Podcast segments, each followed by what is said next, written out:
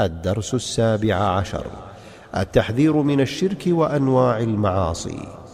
الحذر والتحذير من الشرك وأنواع المعاصي ومنها السبع الموبقات المهلكات وهي الشرك بالله والسحر وقتل النفس التي حرم الله إلا بالحق وأكل الربا وأكل مال اليتيم والتولي يوم الزحف وقذف المحصنات الغافلات المؤمنات ومنها عقوق الوالدين وقطيعة الرحم وشهادة الزور والأيمان الكاذبة وإيذاء الجار وظلم الناس في الدماء والأموال والأعراض وشرب المسكر ولعب القمار وهو الميسر والغيبة والنميمة وغير ذلك مما نهى الله عز وجل عنه أو رسوله.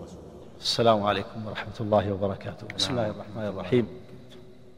الحمد لله رب العالمين والصلاة والسلام على أشرف الأنبياء والمرسلين نبينا محمد وعلى آله وصحبه أجمعين.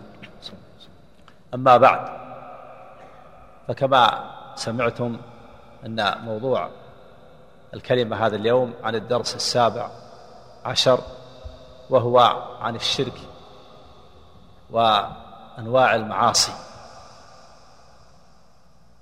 وقد ثبت في الحديث الصحيح الذي رواه الشيخان الإمام البخاري والإمام مسلم رحمه الله تعالى في كتابيهما اللذين هما اصح الكتب المصنفة بعد كتاب الله عز وجل عن أبي هريرة رضي الله عنه أن النبي صلى الله عليه وسلم قال اجتنبوا السبع الموبقات قالوا يا رسول الله وما هن? قال الشرك بالله والسحر وقتل النفس التي حرم الله إلا بالحق وأكل الربا وأكل مال اليتيم والتولي يوم الزحف وقذف المحصنات الغافلات المؤمنات في هذا الحديث الشريف يحذرنا نبينا الكريم عليه أفضل الصلاة وأتم التسليم من السبع الموبقات من هذه السبع الموبقات. يحذرنا سبعا موبقات يعني مهلكات. سميت موبقات لأنها تهلك صاحبها في الدنيا ثم تهلكه في الآخرة. وقوله عليه الصلاة والسلام اجتنبوا أبلغ من قوله لا تفعلوا. لأن معنى اجتنبوا يعني تباعدوا تباعدوا منها ولا تقربوا منها. اجتنبوا السبع الموبقات. هذه السبع الموبقات التي هي تهلك صاحبها وتوقعه في الإثم ثم توقعه في النار. أولها وأعظمها وأشدها وأغلظها الشرك بالله عز وجل. هذا هو أعظم الكبائر. وأعظم ذنب عصي الله به في الأرض هو الشرك بالله عز وجل.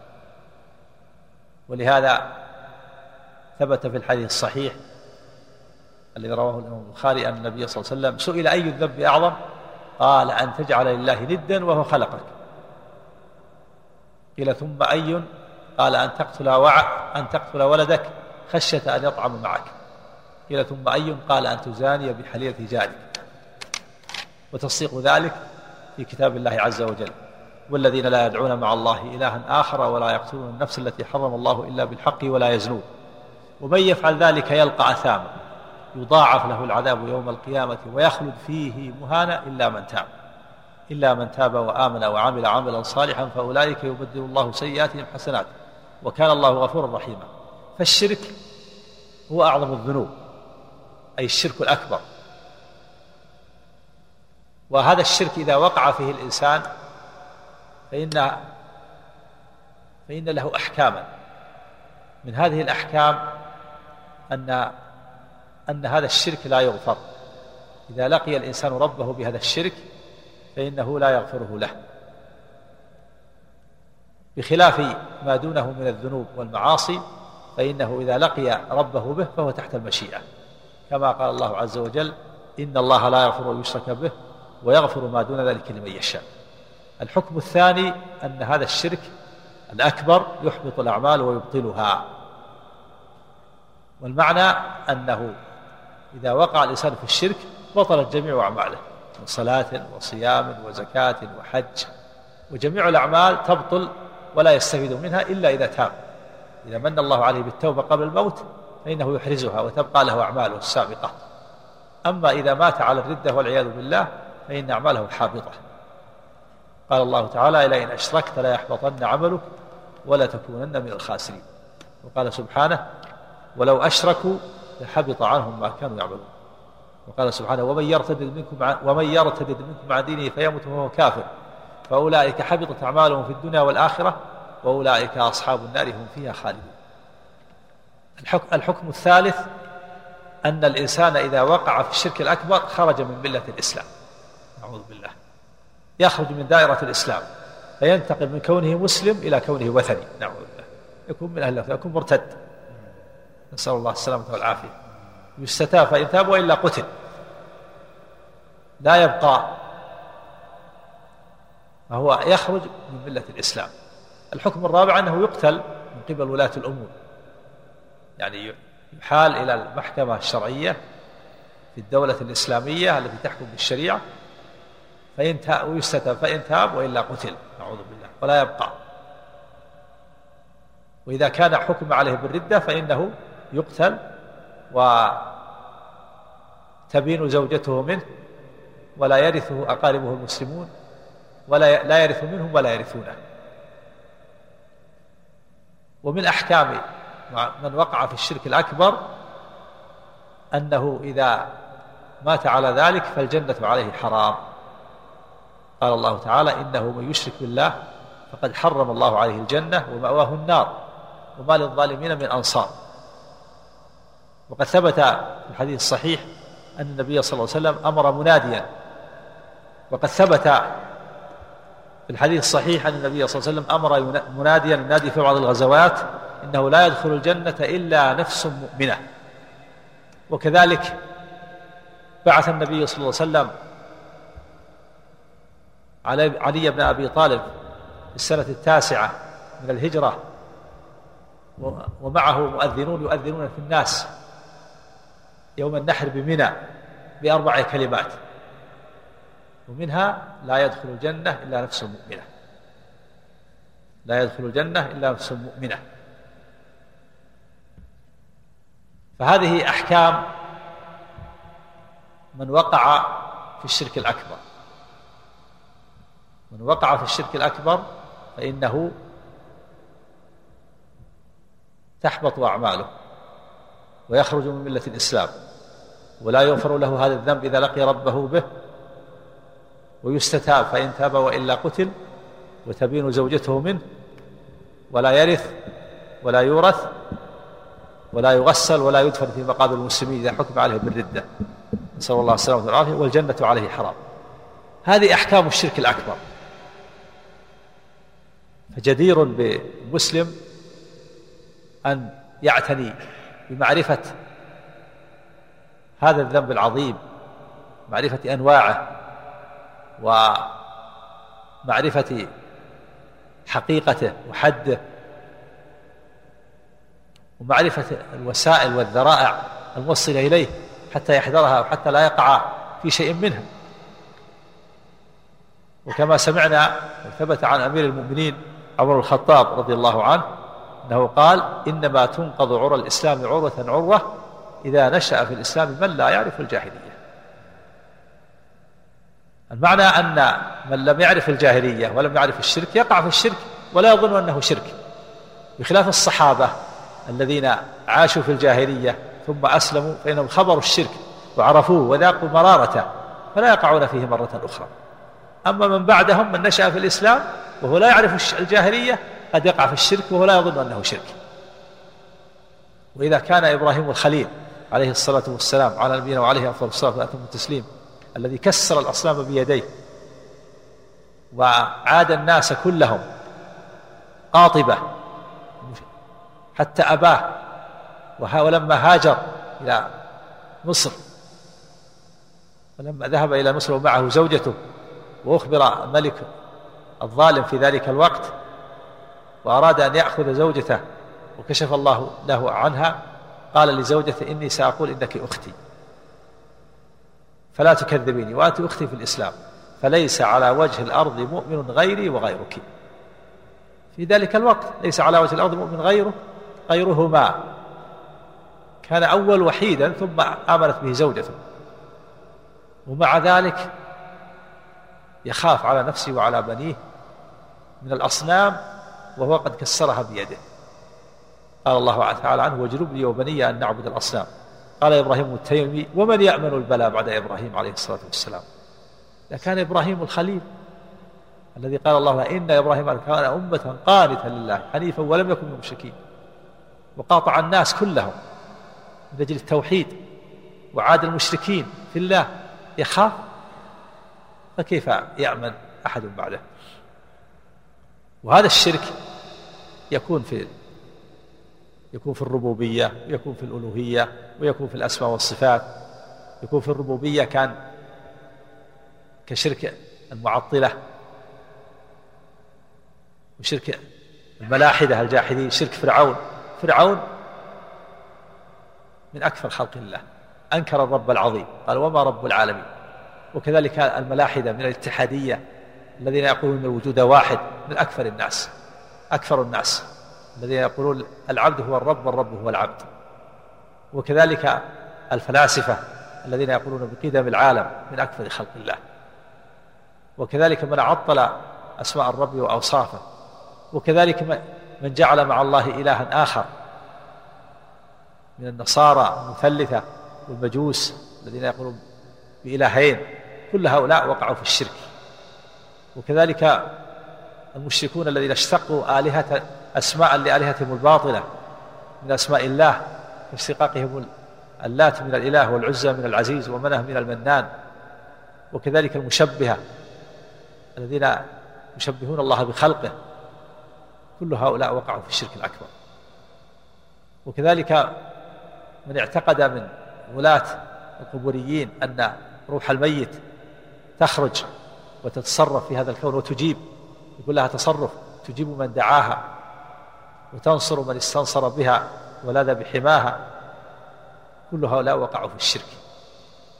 وكذلك من جعل بينه وبين الله وسائط يدعوهم أو يذبح لهم أو ينذرهم أو يسألهم قضاء الحاجات أو تفريج الكربات. كل هذا هذا من الشرك الأكبر. من كان يدعو غير الله يدعو الملائكة أو يدعو الأنبياء أو يدعو النبي صلى الله عليه وسلم أو يدعو الأشجار والأحجار أو يدعو الشمس والقمر أو يدعو الجن أو يدعو الأصنام والأوثان أو يدعو أصحاب القبور كل هؤلاء كفار. لأن من دعا غير الله فقد أشرك. قال الله تعالى ومن يدعو مع الله إلها آخر لا برهان له به فإنما حسابه عند ربه إنه لا يفلح الكافر سماه الله كافرا. وقال ولا تدعو من دون الله ما لا ينفعك ولا يضرك. فإن فعلت فإنك إذا من الظالمين. يعني المشركين. وكذلك من فعل ناقضا من نواقض الإسلام. أي ناقض من نواقض الإسلام؟ فإنه يكون كافرا. كما لو لم يكفر المشركين أو اليهود أو النصارى أو الوثنيين. أو قال إنهم على حق. أو قال إنه يمكن التقارب بين الأديان. يمكن التقارب بين الإسلام واليهودية والنصرانية.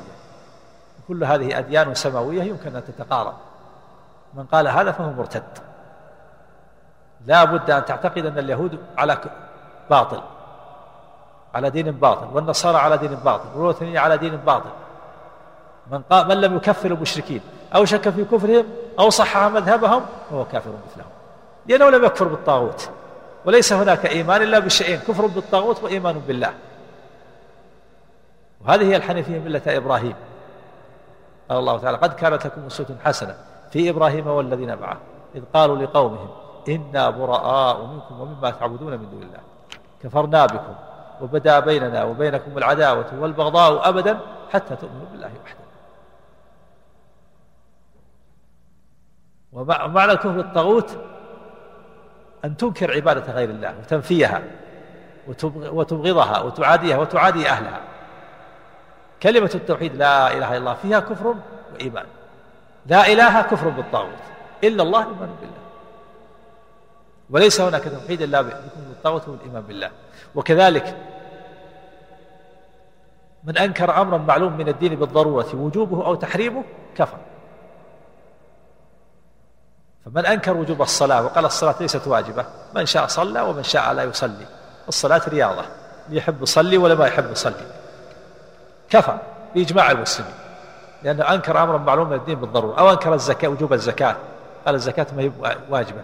ولو زكى أو أنكر وجوب الصوم أو أنكر وجوب الحج هذا كافر بإجماع المسلمين.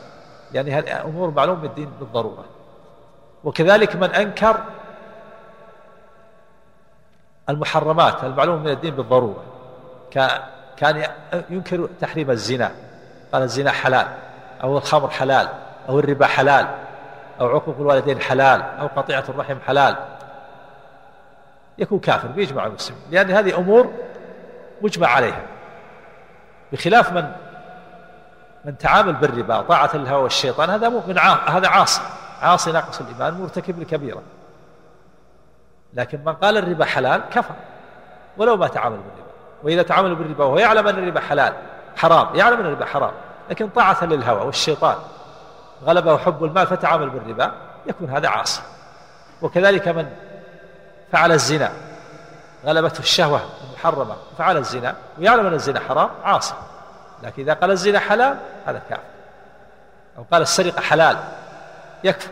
لكن إذا سرق طاعة للهوى والشيطان ويعلم أن السرقة حرام يكون هذا عاصي أما من أنكر شيء غير معلوم من الدين بالضرورة أنكر وجوب الوضوء من لحم الإبل. هذا لا يكفر يعني هذه مسألة مختلف فيها بين أهل العلم. أو أنكر تحريم الدخان قال الدخان ما هو بحرام الدخان حرام لا شك فيه. لكن هناك شبهة لبعض الناس. بعض هناك من يفتي في خارج هذه البلاد هناك من يفتي بأن الدخان غير حرام. فعلى هذا يكون له شبهة فلا يكفر. وإن كان الصواب أن الدخان حرام. لكن من قال الخمر حلال هذا كافر بإجماع المسلمين لأنه ما في خلاف. ننتقل بعد هذا إلى الفقرة أو إلى الفقرة الثانية من فقرات هذا الحديث وهي السبع الموبقات. أعظمها وأغلظها الشرك بالله الثاني السحر. السحر هذا من السبع الموبقات وهو نوع من الشرك لأن السحر الذي السحر عبارة عن عزائم ورقى وعقد وأدوية وتدخينات وسقي أشياء تضر تضر فتمرض وتقتل وتفرق بين المرء وزوجه. هذا هو السحر وفي اللغة عبارة عما خفي ولطف سببه. وهو في الشرع في الاصطلاح عزائم ورقى وعقد وأدوية وتدخينات وسقي أشياء تضر فتمرض وتقتل وتفرق بين المرء وزوجه. والسحر الذي يتصل صاحبه بالشياطين كافر الساحر كافر. ولهذا جعل جعله النبي صلى الله عليه وسلم بعد الشرك لأنه نوع منه لأن الساحر لا بد أن يتصل بالشياطين. الساحر الذي يتصل بالشيطان لا بد أن يقع في الشرك لأن هناك عقد هناك عقد بين بين الساحر وبين الشيطان الجني. وهذا العقد يكون نتيجته الخدمة المتبادلة بين الساحر وبين الجن فهذا العقد مقتضاه أنه لا بد أن يشرك الساحر. لا بد أن يقع في الشرك. يشترط الجني الشيطان على الساحر أنه يكفر بالله أولا.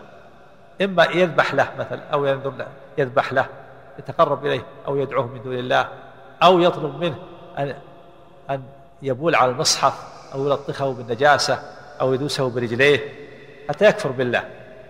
وهناك بعد ذلك يخدمه الجني. يخدمه الجني بأن يخبره عن بعض المغيبات يستجيب لمطالبه يخبره عن بعض المغيبات يستجيب له إذا أمره أن يلطم شخصا لطمه يسرق له بعض الأشياء خدمة متبادلة.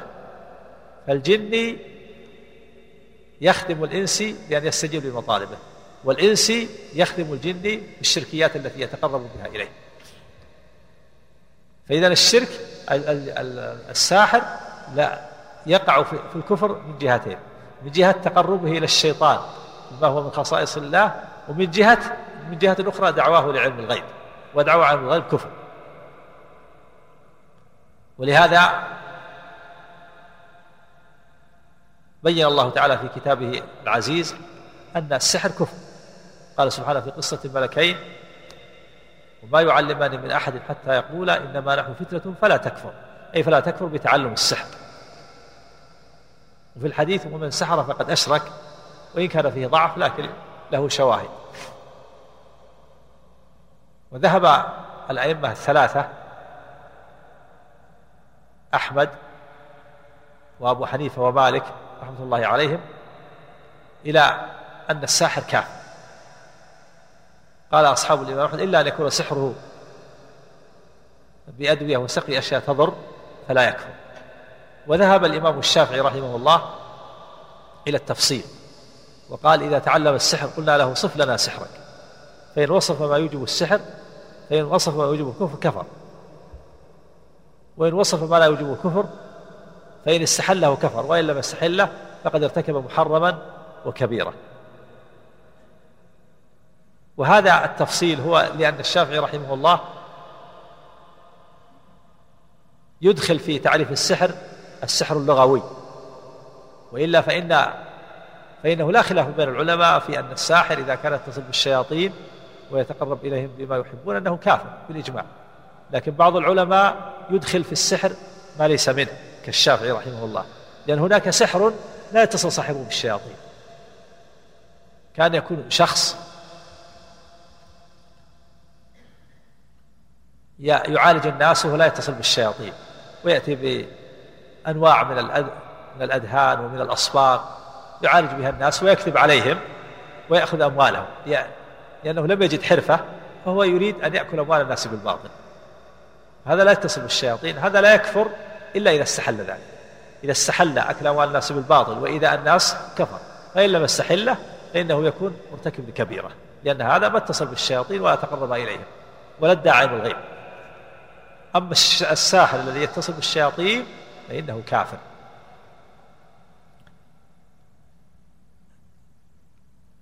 الكبيرة الثالثة من الموبقات قتل النفس التي حرم الله إلا بالحق. قتل النفس هذه هي الكبيرة الثالثة. والمعناه ومعناه هو أن يقتل نفسا وأن يزهق نفسا معصومة. يقتلها بغير حق. وهذا يشمل المسلم والذمي الكتابي. اليهودي والنصراني الذي له ذمة وليس محاربا لنا إذا قتله متعمدا فإنه يكون مرتكب لهذه الجريمة العظيمة.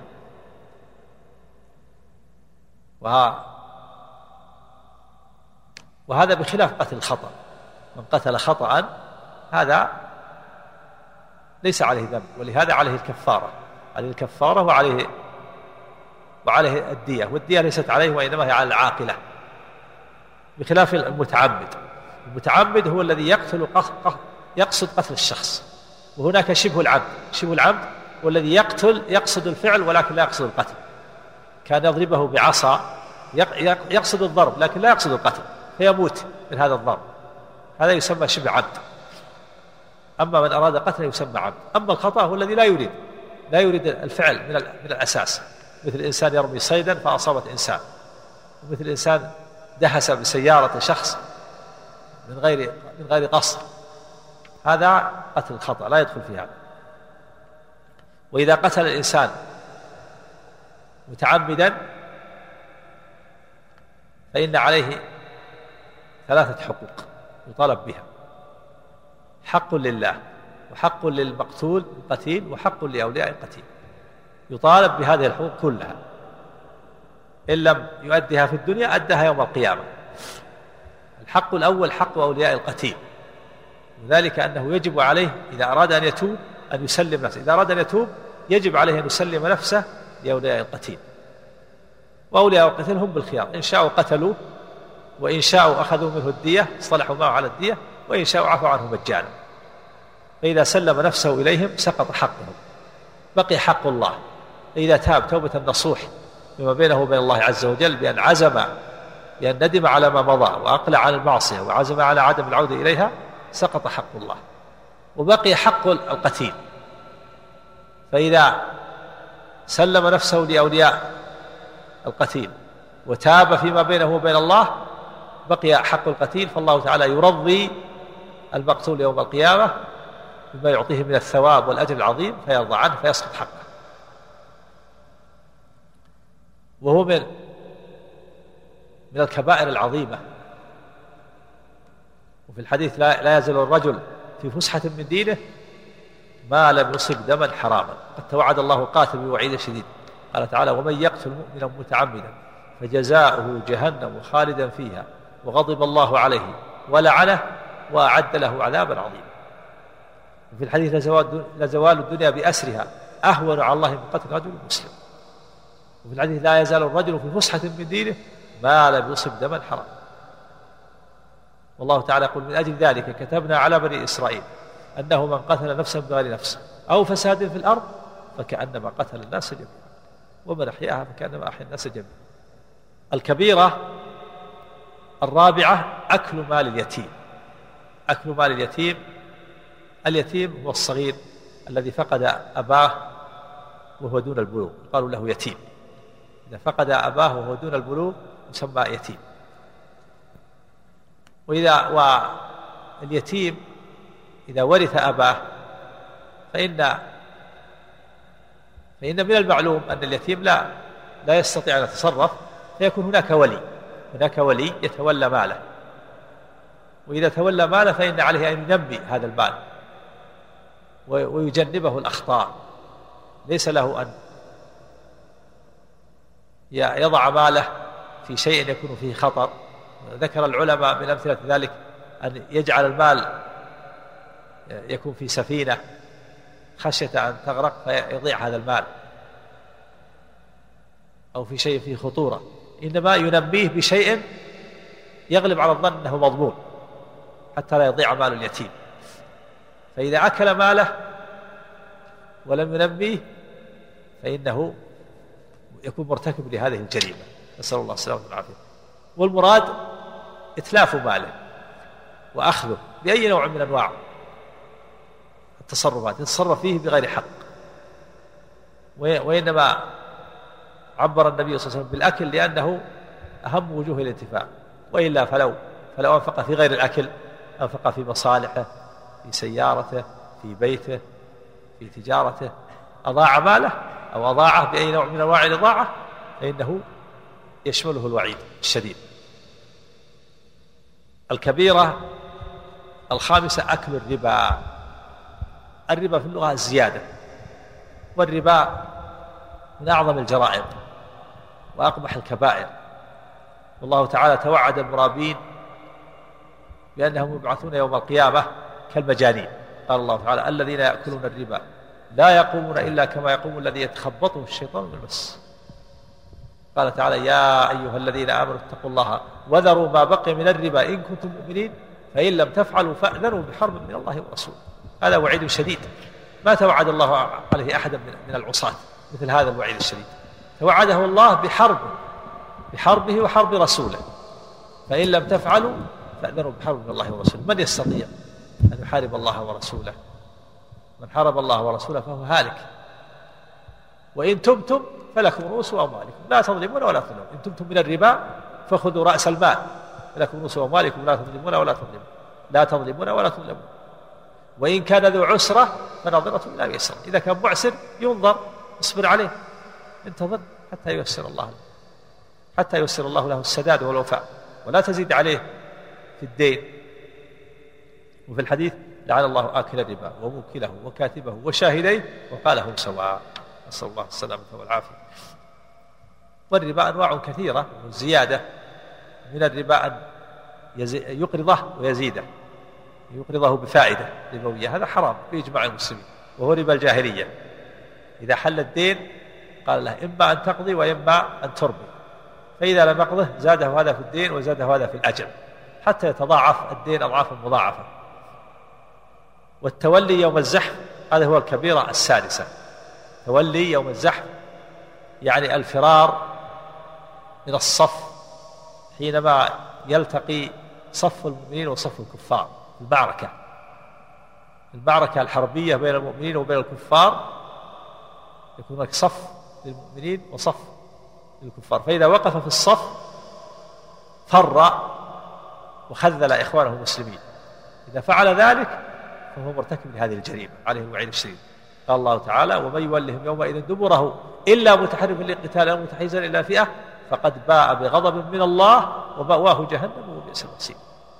وما ذاك إلا, إن إلا لأنه خذل إخوانه المسلمين. وإذا وقف في الصف صار الجهاد عليه صار القتال والجهاد فرض عليه في هذه الحالة. قبل ذلك ليس بفرض سنة. لكن إذا وقفت في الصف صار فرضا. ليس لك أن تفر ولا تخذل إخوانك المسلمين. واستثنى الله حالتين. قال إلا متحرفا لقتال أو متحيزا إلى فئة هذا لا بأس. يعني ذهبت من طائفة إلى طائفة أخرى من المسلمين. لا بأس. هذا المتحيز. والمتحرف هو الذي ينحرف يرجع يوهم العدو أنه فر فإذا لحقه العدو كر عليه مرة أخرى. كان يكون العدو في حصن فيوهمه أنه أنه فر. فإذا خرج عدو من حصنه كر عليه فقاتله هذا لا بأس مستثنى وإلا فمن فر لغير هاتين الحالتين فهو مرتكب لهذه الجريمة العظيمة. السابعة الكبيرة السابعة قذف المحصنات الغافلات المؤمنات. القذف يعني الرمي الرمي بالفاحشة. يرمي امرأة محصنة وهي العفيفة الحرة. يرميها بالزنا يقول يا زانية. تكون حرة عفيفة مسلمة غافلة لا يخطر الباء الفاحشة ببالها فإذا كانت امرأة مؤمنة حرة مسلمة عفيفة لا يخطر البال الفاحشة على بالها ثم يرميها بالزنا هذا عليه الوعيد الشديد ومثله الرجل لو قذف رجلا مسلما مؤمنا حرا عفيفا لا تخطر الفاحشة بباله وقال يا زاني أو قال يا لوطي والعياذ بالله فإنه مرتكب لهذه الجريمة العظيمة. السبع الموبقات كذلك أيضا من من الكبائر من الكبائر الأخرى عقوق الوالدين. ولم تذكر في هذه السبع السبع الموبقات ليس المقصود من الحديث الحصر. إنما هذه بين النبي صلى الله عليه وسلم هذه الكبائر العظيمة. وهناك كبائر أخرى ليست محصورة بهذه السبع ولهذا لما سئل ابن عباس الكبائر هل هي سبع؟ قال هي إلى السبعين عقرب وفي إلى السبعمائة عقرب ليس لها حصر. كل ما الصواب أن الكبيرة كل ما توعد عليه بالنار أو اللعنة أو الغضب أو نفي إيمان أو أو وجب فيه حد في الدنيا هذا هو أرجح ما قيل في الكبيرة. كل ذنب توعد عليه بالنار أو اللعنة أو الغضب في الآخرة أو وجب فيه حد في الدنيا أو نفي عن صاحبه الإيمان. هذه هي الكبيرة. عقوق الوالدين معناه العقوق القطيعة قطيعة الوالدين. الوالدان هما هما سبب في وجودك أيها الإنسان. فيجب عليك أن تبرهما. ولو أحسن إليك إنسان من بعيد لكان من المروءة أن ترد الإحسان إليه. فكيف بوالديك اللذين هما السبب في وجوهك في وجودك واللذان لم يزالا يربيانك ويعملان بإصلاحك بإصلاح حالك وتوجيهك وإرشادك والنفقة عليك والشفقة عليك. ولهذا وصى الله تعالى بالوالدين وقرن حقهما بحق في كثير من الآيات. قال سبحانه أن اشكر لي ولوالديك. وقال ووصينا الإنسان بوالديه إحسانا. وقال وقضى ربك ألا تعبدوا إلا إياه وبالوالدين إحسانا. إما يبلغن عندك الكبر أحدهما أو كلاهما فلا تقل لهما أف ولا تنهرهما وقل لهما قولا كريما. واخفض لهما جناح الذل من الرحمة وقل رب ارحمهما كما ربياني صغيرا. فعقوق الوالدين من الكبائر العظيمة. ولهذا سئل النبي صلى الله عليه وسلم عن الكبائر قال الإشراك بالله وعقوق الوالدين. وكان متكئا فجلس فقال ألا وقول الزور ألا وشهادة الزور. فما زال يكررها حتى قلنا ليته سكت. وكذلك قطيعة الرحم من الكبائر. في الحديث لا يدخل الجنة قاطع رحم. والرحم هم القرابة. هم القرابة من جهة الأم أو من جهة الأب. وأعلى الرحم وأقرأ الرحم الأبوان الأم والأب.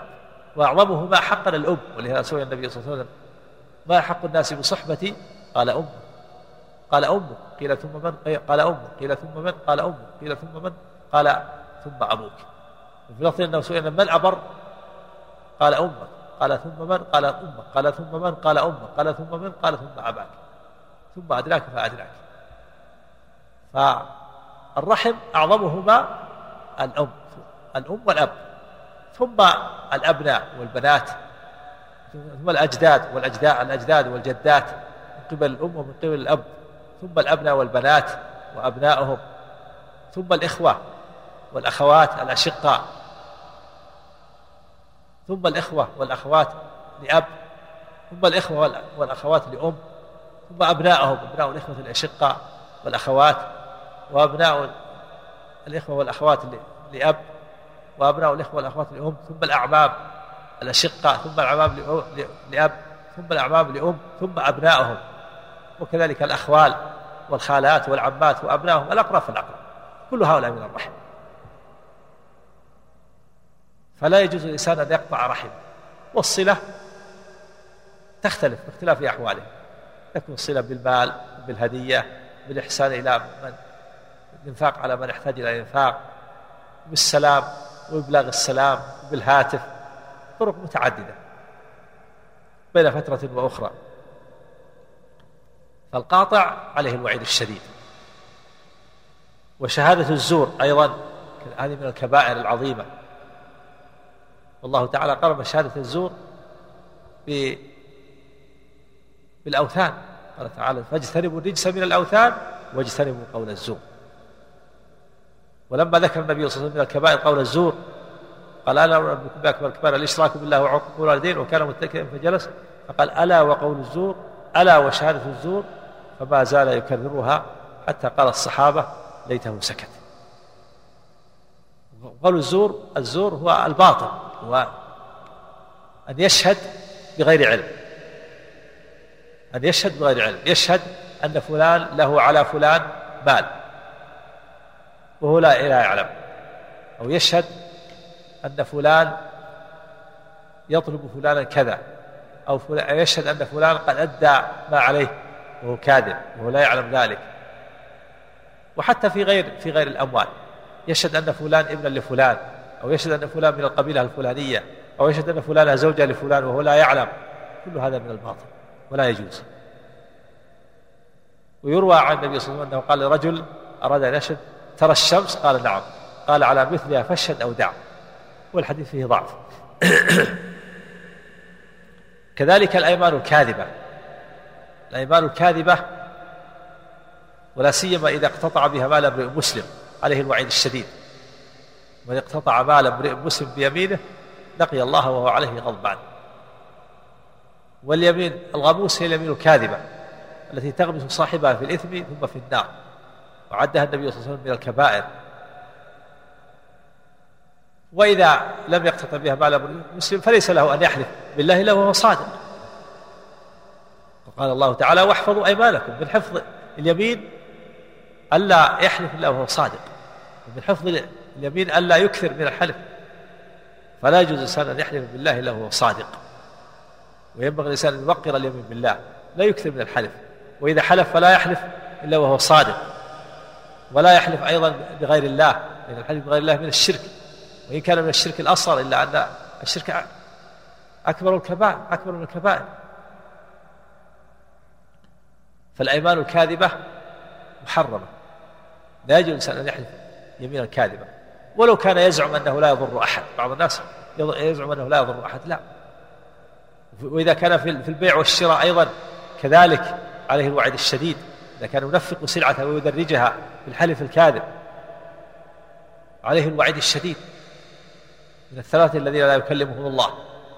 وذكر منهم رجل جعل الله بضاعته. لا يشتري إلا بيمينه ولا يبيع إلا بيمينه. يدرج السلعة باليمين. والله ما بعت إلا بكذا. والله ما شرت إلا بكذا. والله ما دخلت علينا إلا بكذا. وهكذا. يدرج. يدرجها. ولو كان صالما لا ينبغي له أن يجعل الله بضاعته. ولهذا قال ثلاثة قال النبي صلى الله عليه وسلم في الحديث الصحيح ثلاثة لا يكلمهم الله يوم القيامة. ولا يزكيهم ولهم عذاب أليم وشيبط زان والمسبل إزارة. والمنفق سلعته بالحلف الكاذب. فجعل المنفق سلعته بالحلف الكاذب من الثلاثة الذين لا يكلمهم الله. والمنان بما أعطى. المسبل إزارة والمنان بما أعطى والمنفق سلعته بالحلف الكاذب. فلا يجوز للإنسان أن يحلف بالله إلا وهو صادق.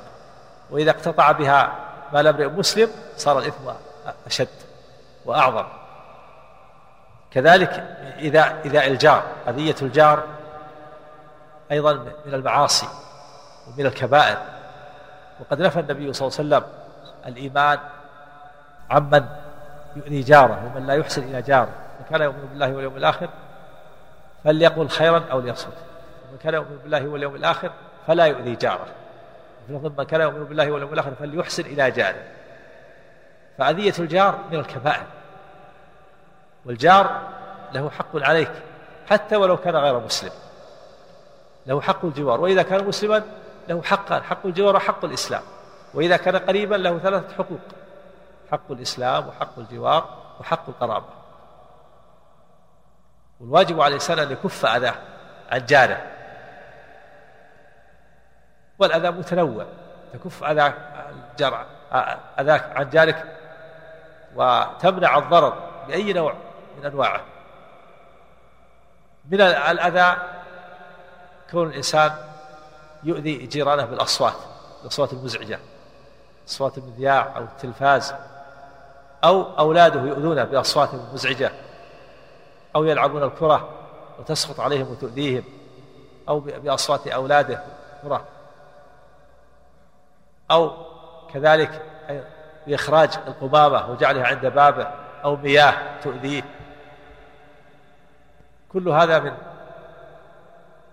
من أنواع الأذى أو يطلع عليه على جاره من السطح أو من شباك هذا من أنواع الأذى. أو أولاده يسلط أولاده عليه أو خادمة أو خادمته. إلى غير ذلك من أنواع الأذى. ينبغي للإنسان أن يكف أذاه عن جاره وأن يحسن إلى جاره بالكلام الطيب وبالهدية وما أشبه ذلك. أما الأذية فإنها حرام. ظاهر الحديث أنه أنها من الكبائر لأن نفى نفى الإيمان عمن أذى جاره. وهذا نفي للكمال وهذا يدل على أنه ضعيف الإيمان ناقص الإيمان. مؤذي جاره ناقص الإيمان ضعيف الإيمان. وفي الحديث الآخر يقول النبي والله لا يؤمن والله لا يؤمن والله لا يؤمن. قيل من يا رسول الله؟ قال من لا يأمن جاره بوائقه. وبوائقه يعني غوائله وشره الذي لا يأمن جاره شره فهذا منفي عنه الإيمان وضعيف الإيمان وناقص الإيمان. أما ظلم الناس في دمائهم وأموالهم وأعراضهم هذه المحرمات الثلاث التي الحرمات الثلاث وهي دماء المسلمين وأموالهم وأعراضهم هذه حقوق الناس وهو مبنية حقوق الناس مبنية على المشاحة. والواجب على المسلم أن أن لا يظلم أخاه. لا في دمه ولا في ماله ولا في عرضه. وقد ثبت عن النبي صلى الله عليه وسلم خطب الناس في أعظم موقف وأعظم مجمع في الحج بعرفة. هو واقف بعرفة. وكان مما قال عليه الصلاة والسلام في خطبته إن دماءكم وأموالكم وأعراضكم عليكم حرام كحرمة يومكم هذا في شهركم هذا في بلدكم هذا. وفي لفظ آخر النبي صلى الله عليه وسلم قدم مقدمة لبيان أهمية هذه الحرمات الثلاث وعظم شأنها وذلك في خطبته يوم النحر لأنه خطب الناس بعرفة وخطب الناس يوم البحر النحر. وخطب الناس في اليوم الحادي عشر. كلها في الحج. يوم عرفة ويوم العيد وهو يوم النحر. واليوم الحادي عشر. وقال في خطبته يوم النحر. قال أي أي يوم هذا؟ قال أي أي يوم هذا؟ فسكت الناس. حتى ظنوا أنه سيسميه بغير اسمه. فقال أليس يوم النحر؟ قالوا بلى. قال أي شهر هذا؟ فسكت الناس حتى ظنوا أنه سيسميه بغير اسمه فقال أليس ذا الحجة؟ قالوا نعم. قال أي بلد هذا؟ فسكت الناس حتى ظنوا أنه سيسميه بغير اسمه قال أليس ذا البلدة؟ قالوا بلى. قال فإن دماءكم وأموالكم وأعراضكم عليكم حرام كحرمة يومكم هذا في شهركم هذا في بلدكم هذا. ألا هل بلغت؟ قالوا نعم. قال اللهم بشر فجعل يرفع أصبعه إلى السماء ثم ينكبها إليهم يستشهد الله عليه. اللهم اشهد اللهم اشهد. إنه بلغ عليه الصلاة والسلام. فالدماء والأموال والأعراض حرام كما أن كما اجتمعت هذه الحرمات الثلاث. كما أن يوم النحر يوم الحرام في شهر حرام في بلد حرام. يوم الحرام وهو يوم النحر. في شهر حرام في شهر ذي الحجة. في بلد حرام وهي مكة. ودماء الناس أمرها عظيم. لا يجوز الإنسان أن يعتدي على أخيه جسد جسد أخيه بالقتل أو بقطع العضو أو جرح الجسد أو كسر العظم أو حتى ترويعه وهز السلاح في وجهه. وكذلك أيضا المال. المال قرين الروح وشقيق الروح. والإنسان يحب المال فليس للإنسان أن يعتدي على أخيه ويأخذ ماله بغير حق. يقول النبي وسلم لا يحل مال مسلم إلا بطيبة نفسه. فلا يجوز للإنسان أن يأخذ مال أخيه عن طريق السرقة أو الغصب أو السلب أو النهب أو الغش أو الخداع أو تنفيذ السلعة بالحلف الكاذب أو إخفاء عيب السلعة. أو إخفاء الدين والحق أو غير ذلك من أكل من أنواع أكل المال بالباطل. والله تعالى يقول يا أيها الذين آمنوا لا تأكلوا أموالكم بينكم بالباطل إلا أن تكون تجارة عن تراض منكم. وكذلك أيضا لا يجوز أن يعتدي على عرض أخيه بالغيبة بالنميمة التي وهما فاكهة كثير من الناس في المجالس. الغيبة ذكرك أخاك بما يكره. كان يقول فلان قصير فلان طويل فلان لئيم فلان بخيل فلان فيه كذا ولو كان فيه ما تقول. سئل النبي صلى الله عليه وسلم قيل يا رسول إن كان في أخي ما أقول؟ قال إن كان فيه ما تقول فقد اغتبته وإن لم يكن فيه ما تقول فقد بهته. فلا تتكلم فيه سواء سواء كان هذا هذا الشيء فيه أو ليس فيه. إن كان فيه فهي غيبة وإن لم يكن فيه فهو بهتان. لا تتكلم في غيبته انصح قدم له النصيحة. والله تعالى جعل الغيبة كمن أكل لحم أخيه وهو ميت. قال تعالى ولا يغتب بعضكم بعضا أيحب أحدكم أن يأكل لحم أخيه ميتا فكرهتموه ويستثنى من ذلك ما إذا ترتب على ذلك مصلحة ما جاء ما ورد الشرع باستثنائه كان كالمظلوم الذي يطلب حقه لا بأس. أو المستفتي يستفتي. وما أشبه ذلك. هذا يستثنى في أمور في مسائل معدودة دلت عليها النصوص وبينها أهل العلم. وكذلك أيضا من كذلك الاعتداء على من الاعتداء على عرض الإنسان كان يسخر منه. يسخر أو يهزأ يهزأ يعيبه أو يذمه أو يلمزه. أو يهمزه بلسانه أو إشارة عينه أو غير ذلك. والنميمة نقل الكلام من شخص إلى شخص على وجه الإفساد. ينقل الكلام من شخص إلى شخص حتى يفسد بين الرجل بين الشخص وابنه أو بين الابن وأبيه أو بين الزوجة وزوجها أو بين الأخ وأخيه أو بين القبيلة والقبيلة أو بين القرية والقرية أو بين الدولة والدولة. ينقل الكلام من هؤلاء إلى هؤلاء ليفسد بينهم. هذه النميمة. وفي الحديث لا يدخل الجنة نمام. وهو ذو الوجهين الذي يأتي هؤلاء بوجه ويأتي هؤلاء بوجه. نسأل الله السلامة والعافية. والنبي صلى الله عليه وسلم يقول في الحديث الصحيح كل المسلم على المسلم حرام دمه وماله وعرضه. كل المسلم على المسلم حرام دمه وماله وعرضه.